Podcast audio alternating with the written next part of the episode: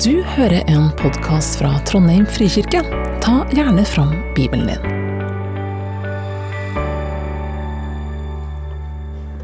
Tusen takk, Jakob, for eh, nydelig tekstlesing. Eh, Den kommer på veggen etter hvert. Skal vi se. Der skal vi bare spole litt til starten her. Hei, og velkommen til nye og gamle lyttere. Jeg heter Lise Sagdal. Jeg er en av pastorene her.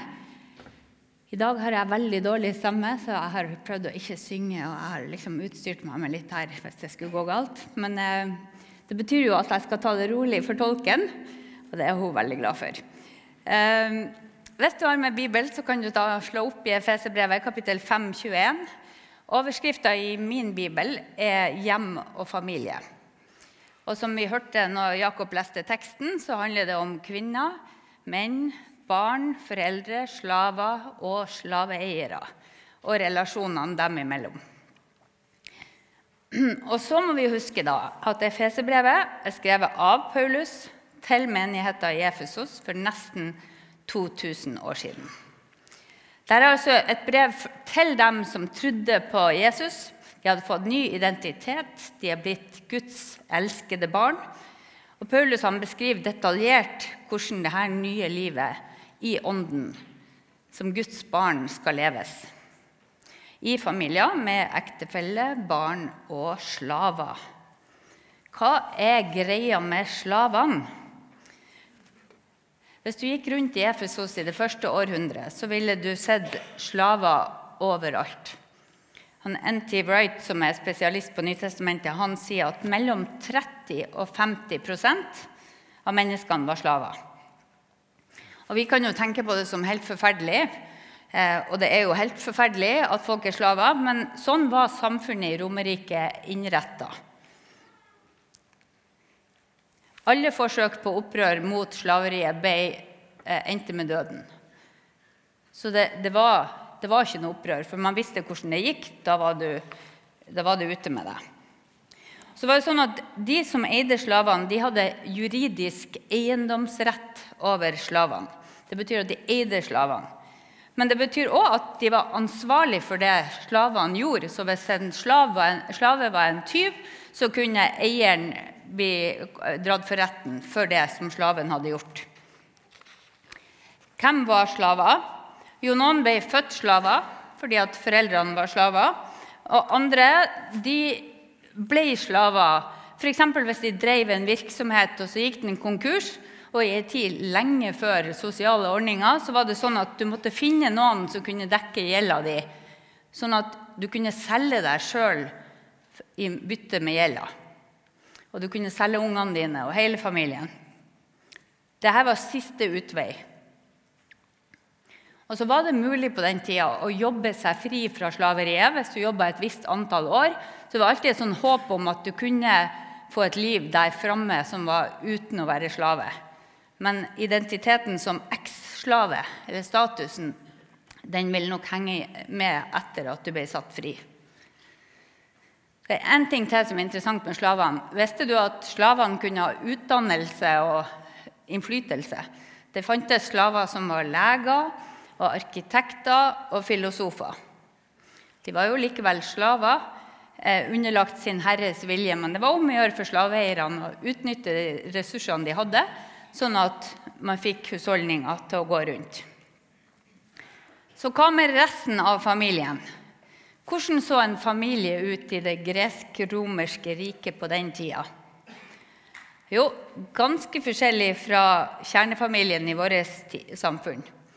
En typisk romersk familie hadde en Det heter familia på, på gresk. Bestod av en patriark, og han var husets herre og mester. Eh, han ble kalt pater familias, eller far i familien. Det var den eldste mannen. Og han hadde autoritet over kone, barn og slaver. Ja, han var faktisk juridisk ansvarlig overfor dem. Altså, han eide dem. Og Ekteskap ble som regel arrangert av foreldrene. Og dette er interessant. Jentene ble lova bort i 12-15-årsalderen til menn som var mellom 5 og 20 år eldre. Så det betyr at ekteskapene starta med at mennene hadde langt mer livserfaring, og jentene var unge. Utgangspunktet for ekteskap var jo selvfølgelig ikke forelskelse eller vennskap, men hva som var hensiktsmessig for å føre slekten og familiebedriften videre. Så ekteskapet var en juridisk avtale, en pakt, en forpliktelse.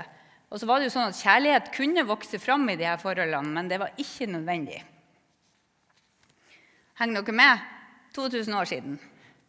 Familien var byggeklossen i det romerske samfunnet. og Tanken var at sånn som familien fungerte, kunne samfunnet fungere. Altså Du bygger det opp med byggeklosser.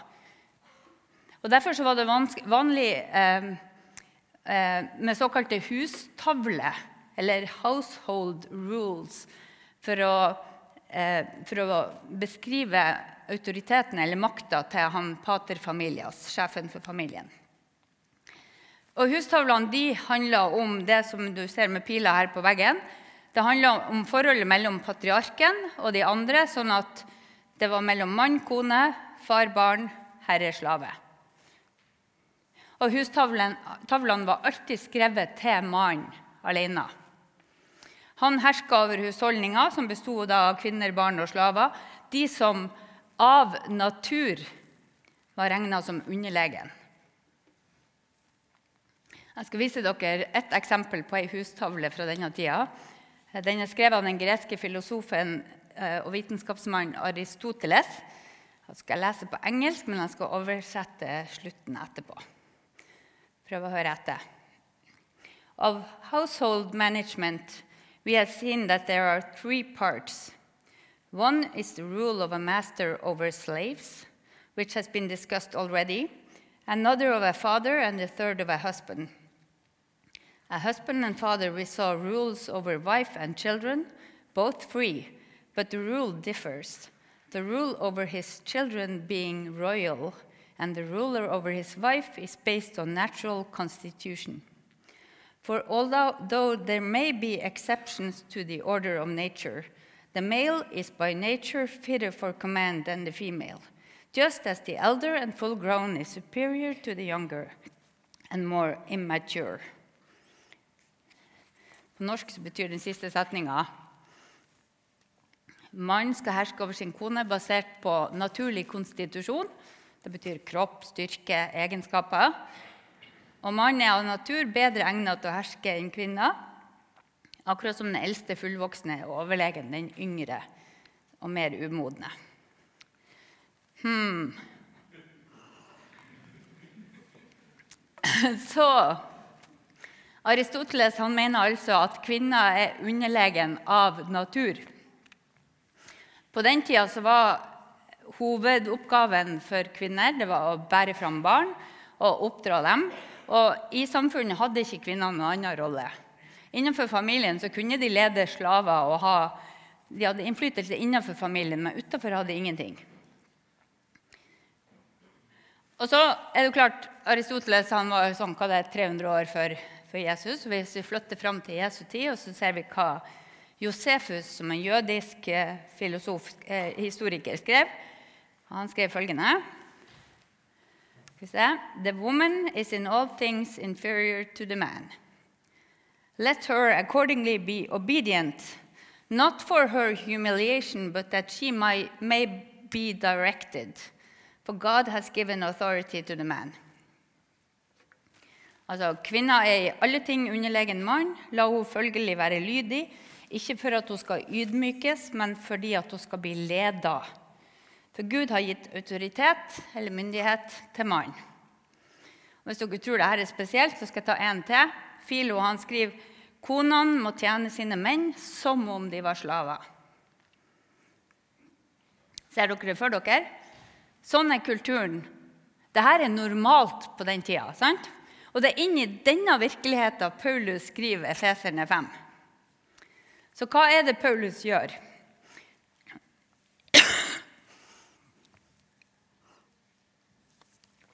Jeg skal vise det på veggen. Jeg skal vise det på norsk oppe og på engelsk nede, sånn at dere kan henge med. For hva er det når han, når han tar og skriver denne teksten, så, så, er det som ei hustavle. Men det han gjør, det er at han bruker den samme litterære formen som de er vant til, som hustavlene. Det var vanlig i den gresk-romerske tradisjonen. Men så forandrer han innholdet og begrunnelsen fullstendig. Se her. Paulus erstatter patriarken, eller pater familias, med den oppstandende Jesus. Tenk dere, Når de hører en sånn hustavle, så tror de de vet hva som kommer. Men det Paulus gjør, det er at han, han, han tar formen, og så bytter han ut patriarken med Jesus. Og da får du helt annen, et helt annet innhold. Nå er det ikke patriarken som er en naturlig leder og hersker. Nå er det Jesus Kristus, han som er Messias, han som er kongen. Og Dette betyr da at Paulus forandrer eh, hustavla på to måter. Den første er at han snakker ikke til mann, men til kone, barn og slaver. Altså ikke bare til mann, han snakker til mann òg. Eh, det betyr at han behandler kone, barn og slaver som verdige moralske aktører, ikke som mindreverdige og underlegne. Det vanlige var å snakke til patriarken, men nå i Kristus Jesus så har de alle fått ny identitet. Nå er de aktive og fullverdige medlemmer av Guds familie. Og nå er det Kristus som er leder. Dette var helt nytt. Ingen hadde behandla kvinner, barn og slaver med sånn verdighet før Jesus kom. Så Paulus han løfter dem opp. Så Vi kan tenke på denne teksten som oi, oi, oi. Men det er et radikalt skifte med det som var dagligliv i Efesos. Så Først så snakker han til kvinner, barn og slaver, og så gjør han en ting til. Når han snakker til mann, så undergraver han den tradisjonelle autoriteten som var basert på kjønn. Og så gir han mannen beskjed om å elske, ikke herske. Det var helt nytt. Og de som hørte på, de ville nok tenkt at 'hæ?' Eller 'wow', avhengig av utgangspunktet ditt, eller kjønn, kanskje. Er det sånn det er Guds familie? Så Nå skal vi lese teksten en gang til. Nå skal dere få den på veggen. Og Så kan vi ha det her i bakhodet om hvilken kontrast det var til det livet de var vant med, det samfunnet de levde i, og det som Paulus skriver.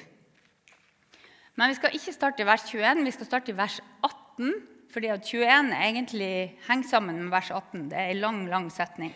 Så Jeg skal begynne i vers 18, som vi hadde sist.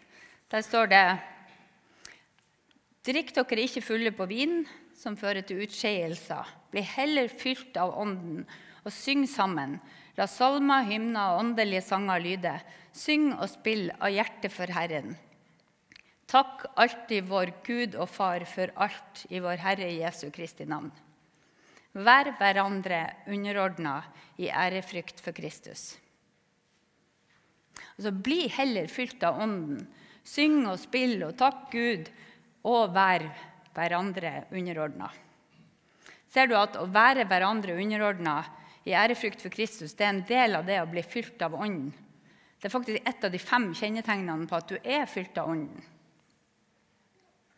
Så hva betyr det da å underordne seg?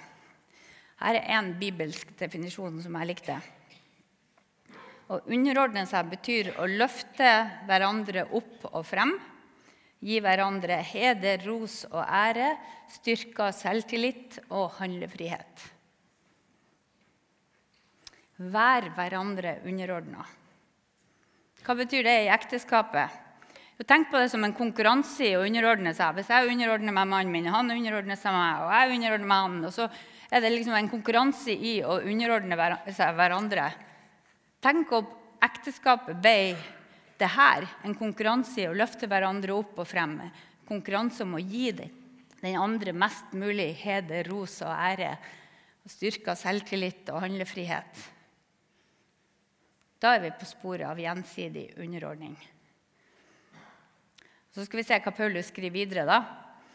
Først er det her 'vær hverandre underordna i ærefrukt for Kristus'.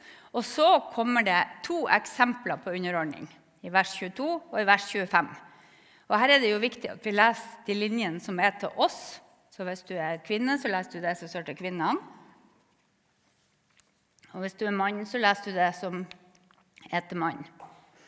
Og så er det sånn at når dette brevet ble lest opp første gangen, så satt de ikke i rader sånn som dere. Da satt de antagelig i stuene fulle hus rundt bord og spiste. Eh, det var barn der, kvinner, menn, slaver, slaveeiere. Alle var rundt i dette lokalet, tett i tett, og så hører de dette brevet bli lest opp. Det de har til felles, det er at de har blitt kristne. De har begynt å tro på Jesus.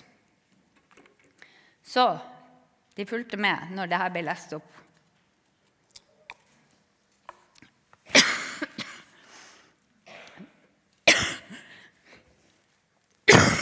Unnskyld. Vær hverandre underordna i ærefrykt for Kristus. Neste vers er til kvinnene. Bare det at Paulus snakker direkte til dem, er jo helt nytt. Han starter ikke med patriarken, men han starter med kvinnene. Og der står det Dere kvinner, underordner dere ektemennene deres som under Herren selv. For mann er kvinnens hode, sånn som Kristus er kirkens hode. Han er frelser for sin kropp. Som, kirka som kirka underordner seg Kristus, skal kvinnene underordne seg sine menn i alt. Jeg har to kommentarer her. Det ene er at vers 22 skal leses i sammenheng med vers 21, altså det om å underordne seg under hverandre. Og Grunnen til at vi vet det, det er at i vers 22 så mangler det et verb. Hvis vi skal oversette det direkte, så står det 'Dere kvinner, ektemennene deres som under Herren selv'. Altså, Verbet mangler i vers 22. Og Oversetterne putter inn underordnet fordi at dette er et eksempel på det som er i verset foran. Det andre som er viktig å vite her, det er at ordet 'kefale', som oversettes med 'hode' på norsk, det kan også bety kilde eller opphav. Og det er veldig mye diskusjon om betydninga av ordet 'kefale'.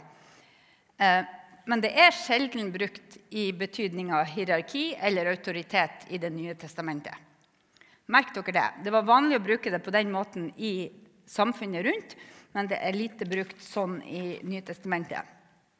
Så når man leser her at for mannen er kvinnens kefale, så har det mer mening hvis du tolker det som kilde og sier at mannen er kvinnens kilde. Det får mening når du ser tilbake på skapelseberetninga, der kvinna ble skapt av beinet til mann, ribbeinet til mannen. Han skapte hans bein, han var hennes kilde eller opphav. Så Der er det masse diskusjon om hvordan du skal forstå det. For det er ganske vanskelig å skjønne det her, for mannen er kvinnens hode. Hvis det ikke betyr kilde. Eh, jeg skal ikke ta en lange utlegninga om dette ordet, for det kan du finne på nett. Eh, men vi skal se en gang til på denne teksten. Eh, det står 'for mannen er kvinnens kefale', som da er hode eller kilde. Sånn som Kristus er kirkens kefale. Og hvordan er han det? Jo, han er frelser for sin kropp. Hvis kroppen er kirka, så betyr det altså som, Hvis du skal sammenligne hvordan Kristus er kirkens kefale, jo, så er han frelser for sin kropp, sin menighet. Så det å være kefale, hodet, kan sammenlignes med å være frelser. Så ha det med dere når dere leser disse tekstene. Å være hode handler ikke om å herske, men om å gi seg sjøl. Sånn som Jesus gjorde på korset. Han som ga sitt liv for at hver den som tror på han ikke skal gå fortapt, men ha evig liv. Han er kilden til liv. Og han er god, og det er ikke farlig å underordne seg noen som er så god som Jesus. Og Det er idealet for Jesus sine disipler å leve sammen i en sånn gjensidig underordning til ære for Kristus, som er frelseren.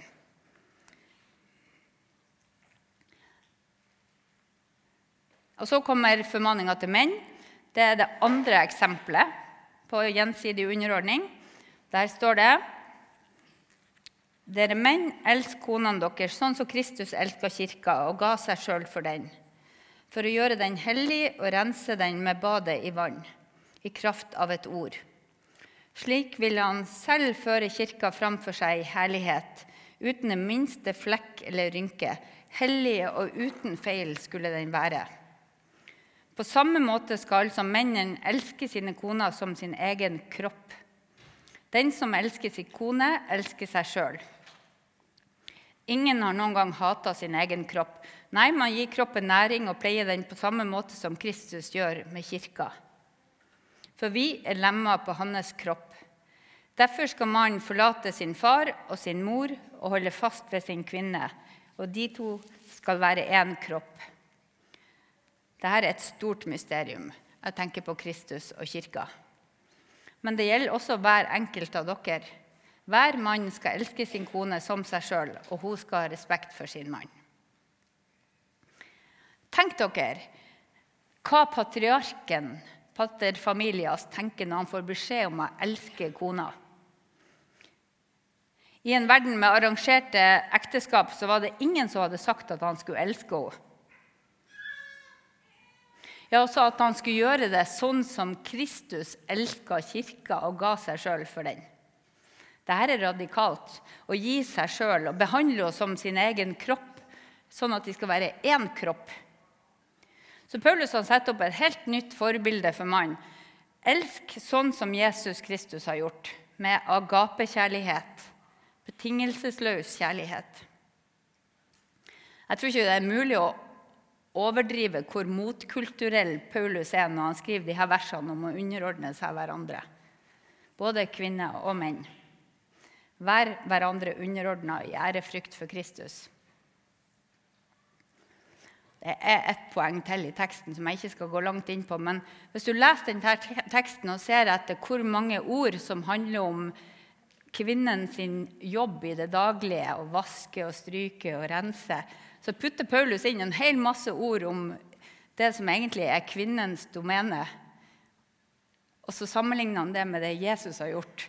Sånn at det han gjør, det er at han opphøyer kvinnens tjeneste og sier at den ligner på Jesus. Elsk henne, for hun gjør noe som ligner på det Jesus gjør. Jeg har skrevet noen interessante doktorgrader om akkurat de der ordene, så det kan dere jo ta og lese på når dere får lyst. Vi skal gå videre i teksten. Nå er det barna sin tur. Bare lese kjapt gjennom den. Dere barn, vær lydige mot foreldrene deres i Herren, for det er rett og riktig. Du skal hedre din far og din mor. Dette er det første budet med et løfte, så det kan gå deg godt, og du kan leve lenge i landet. Det er jo et kjent bud, så vi skal hoppe, hoppe videre for å spare litt tid. Så kommer det til foreldrene. Dere foreldre, vekk ikke sinne og trass hos barna deres, men gi dem omsorg, så de får en oppdragelse og rettledning som er etter Herrens vilje. Dette er også helt nytt for dem som hører på. For barna hadde en helt annen status. De, de var nyttige for det de kunne gjøre, ikke for det de var i utgangspunktet. De skulle være lydige, og så skulle de vokse seg stor nok til å jobbe. Men i Guds rike, i den nye familien, så løftes barna opp. De er fullverdige medlemmer av Guds familie. Og Her er det litt visdom til foreldrene i oppdragelsen. Vekk ikke sinne og trass hos barna. Det betyr ikke at man ikke skal sette grenser, men vær ikke oppfarende, vær ikke inkonsistent. Ikke vekk sinnet bare for sinnets skyld eller fordi at du har lyst til å få en fight. Men gi dem omsorg, så de får oppdragelse og rettledning som etter Herrens vilje. Og så kommer vi til slavene. Og hør hvor radikalt det her er, da. Dere slaver Husk at de satt her i lag med alle de andre som da var møtt opp i huskirka i Efesos.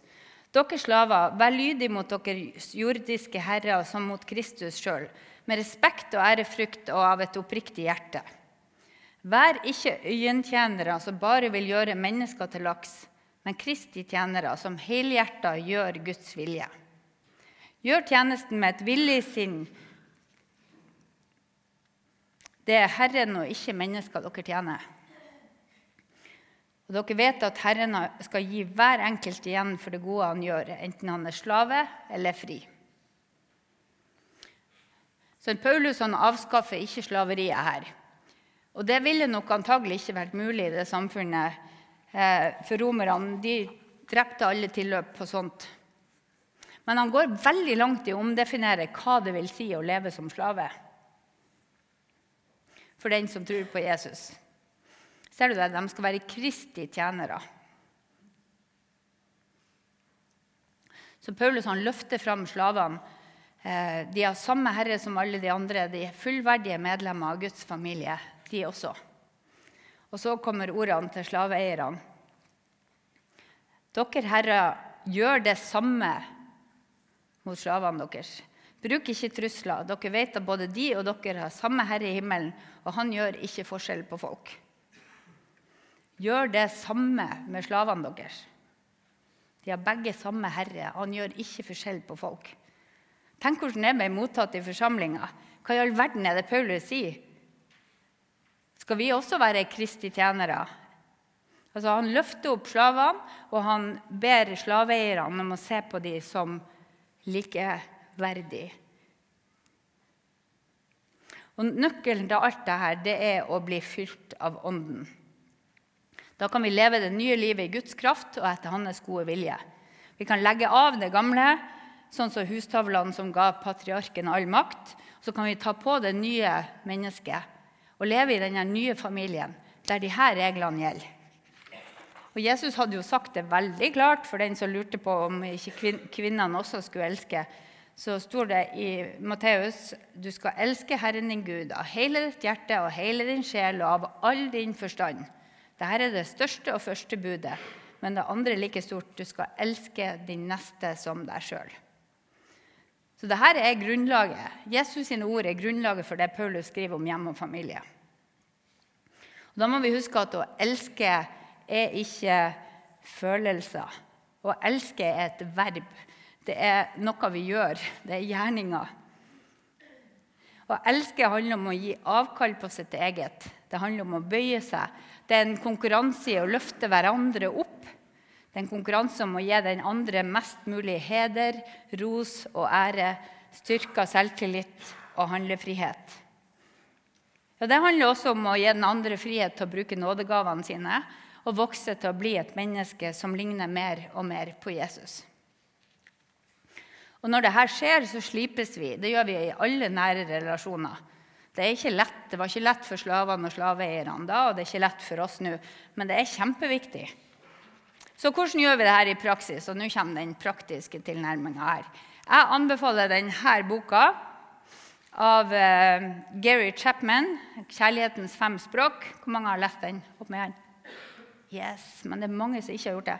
Uh, boka heter 'Five Love Languages' på engelsk. Jeg kom over den boka for mange år siden, og den har vært så nyttig i forhold til, i forhold til mannen min og barna mine og foreldrene mine og vennene mine. For vi oppdager at vi både viser kjærlighet og tar imot kjærlighet på forskjellige måter. Vi har det som han Gary Chapman kaller forskjellig kjærlighetsspråk. For hvis du kom bort til meg og så sa du 'Jeg elsker deg', men du sa det på finsk, så ville ikke jeg skjønt hva du sa. Kanskje du mente det du sa, men eh, jeg hadde ikke forstått hva du mente. Så hjemme hos oss måtte vi lære oss at eh, den andre har et andre kjærlighetsspråk enn jeg har. Sånn at vi kunne forstå hverandre. Jeg kunne gi masse eksempler på dysfunksjon i egen familie, men det skal jeg ikke gjøre. Jeg skal heller vise dere de fem kjærlighetsspråkene. Er dere klare? Først er bekreftende ord. Her er definitivt mitt. Det kan dere ha med dere. Noen føler seg elska når de får bekreftende ord. Det er folk som tar vare på kort og meldinger med ros og bekreftelse. Bryr seg ikke så mye om gaven, men kortet kjempeviktig. Dette er de som føler seg elska når du sier det gode du tenker. Og det er kanskje det enkleste språket å lære seg. Det andre språket er kvalitetstid. For andre vil heller ha kvalitetstid for å føle seg elska. De kan tenke seg en kveld i sofaen eller et langt måltid, gjerne uten mobiltelefon. Kanskje du har barn eller venner som har dette som kjærlighetsspråk. De føler seg elska når du gir dem tida di. Og så kommer vi til fysisk berøring. Og det handler om mye mer enn sex. Eh, det kan være berøring og klem og nærhet som kan gå rett til hjertet. Da føler de seg elska.